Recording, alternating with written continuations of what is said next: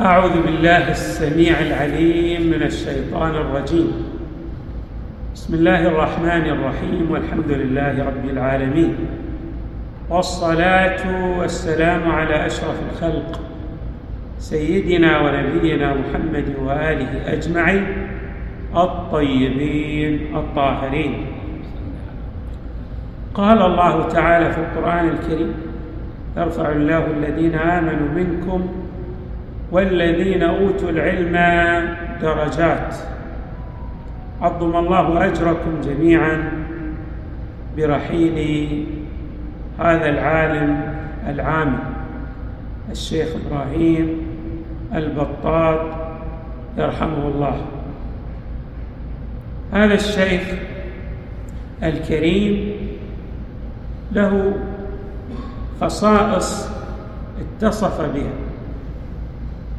من أهم تلكم الخصائص التي اتصف بها يرحمه الله دعمه للحوزة العلمية.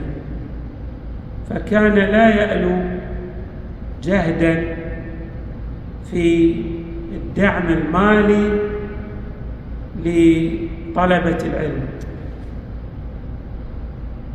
وأنا أتحدث عن السنوات الماضيه قبل مرضه بعد أن مرض يرحمه الله ما كان يعني يستطيع أن يدعم ولكن الكلام فيما قبل قبل مرضه. كان لا يألو جهدا في دعم طلبة العلم.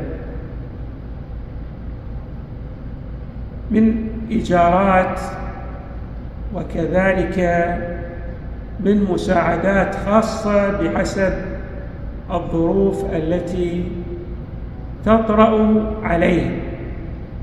وكان أيضا يرحمه الله له مساعدات خاصة بشهر رمضان في أوائله وفي أواخره. يقدم العون والمساعدة لطلبة العلم في أول شهر رمضان وكذلك في آخره.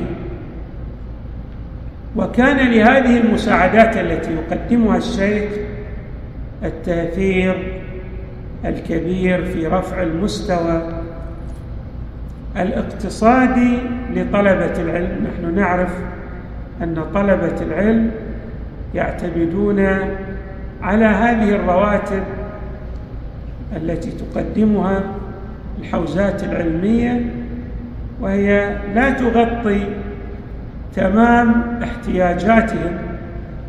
ولكن الشيخ يرحمه الله كان يسد ثغرات كبيرة بالخصوص كما أشرت في شهر رمضان. أوائل الشهر وفي أواخره قبل العيد.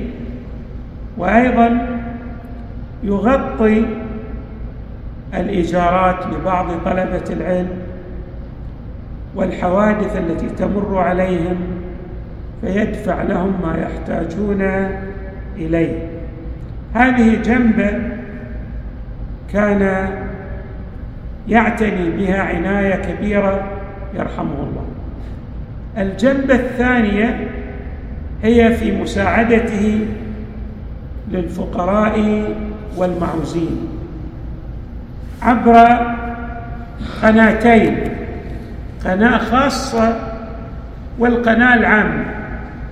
القناة العامة عبر الجمعيات الخيرية كان يقدم الكثير من المساعدات والمعونات. الأموال التي يقدمها للجمعيات الخيرية في السابق كانت يعني تسد جنبه كبيرة وتضفي لمسات على الفقراء والمعوزين. طوال السنة. أما القناة الخاصة التي يقدم فيها المساعدات فعبر بعض المؤمنين الذين يعرفون بعض البيوت التي هي بحاجة إلى مد يد العون والمساعدة فكان الشيخ يرحمه الله لا يقصر في ذلك بمعنى أنه يستمع إلى هؤلاء المؤمنين ويقدم لهم العطايا وما وما يحتاجه الفقراء عبر هذه القنوات الخاصة ونحن نعلم أن الإمام الكاظم والبقية من أئمة أهل البيت صلوات الله وسلامه عليهم أجمعين كان لهم عناية فائقة في مساعدة الفقراء والمعوزين بمعنى أن المساعدة للفقراء والمعوزين في مساكنهم وكذلك في الجانب في جانب الغذاء الذي يقدم إليهم والكسوة التي تقدم إليهم كان الإمام الكاظم عليه السلام له عناية فائقة بهذا الجانب وكذلك البقية من أئمة أهل البيت عليهم السلام إلا أن هذا يعني نقل عن الكاظم في بعض الروايات وكان الشيخ إبراهيم يرحمه الله أيضا له هذه العناية بمعنى أن له تركيز على سد احتياجات الفقراء في الغذاء من ناحية وكذلك في الكسوة من ناحية ثانية وفي تحسين المساكن ودفع الإيجارات لهذه الفئة المحرومة من الناس. الجنبة الأخرى أو الخصيصة الأخرى التي أيضا له عناية بها هي تشجيع طلبة العلم على التحصيل العلمي. فكان عندما يجد بعض طلبة العلم يتصف بالأهلية يساعده بنحو خاص وأيضا يعطيه الدافع المعنوي ويفصح له مبينا عن الأهمية الكبيرة لطلب العلم ويأتي له بالآيات والروايات ويكون من المحفزين لاستمرار هذا الطالب وتذليل هذا الطالب للعقبات بسبب النصائح التوجيهية, التي كان يقدمها الشيخ يرحمه الله. جنب أيضا جد جميلة في شخصيته هي التواضع الجم لطلبة العلم. حتى لصغار طلبة العلم يعني أقصد الذين في بداية المشوار الدراسي. ما كان يعني يظهر نفسه أنه أرفع منهم باعتباره مثلا يتقدم عليهم وإنما كان يشعرهم كأنه واحد منهم يعني كأنه توا بدأ في التحصيل العلمي من تواضعه الجم ومن تبسطه في التعامل مع طلبة العلم.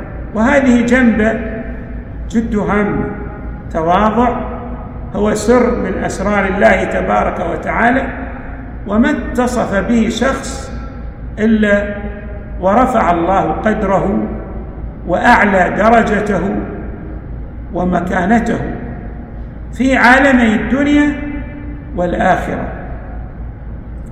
الجنبة الأخرى أيضا التي اتصف بها الشيخ يرحمه الله هي إدخال السرور على المؤمنين. الشيخ يرحمه الله كان من يزوره من مختلف الطيف المتعدد من الناس يتعامل وإياه بمرونة فائقة وأريحية ولا يجد حواجز في تعامله أو في التعامل بينه وبين الشيخ يعني يجد الراحة النفسية وما ذلك إلا لأجل هذا التبسط والاريحيه التي كان يتعامل بها الشيخ يرحمه الله مع الطيف المتعدد من الناس. يعني ليس مع خصوص مثلا الأثرياء أو الوجهاء أو الفقراء. لا مع عامة الناس كان ينفتح عليهم بقلبه ويليهم المزيد من الاهتمام والاستماع إليهم والانفتاح على أفكارهم ويشعرهم كأنه واحد منهم.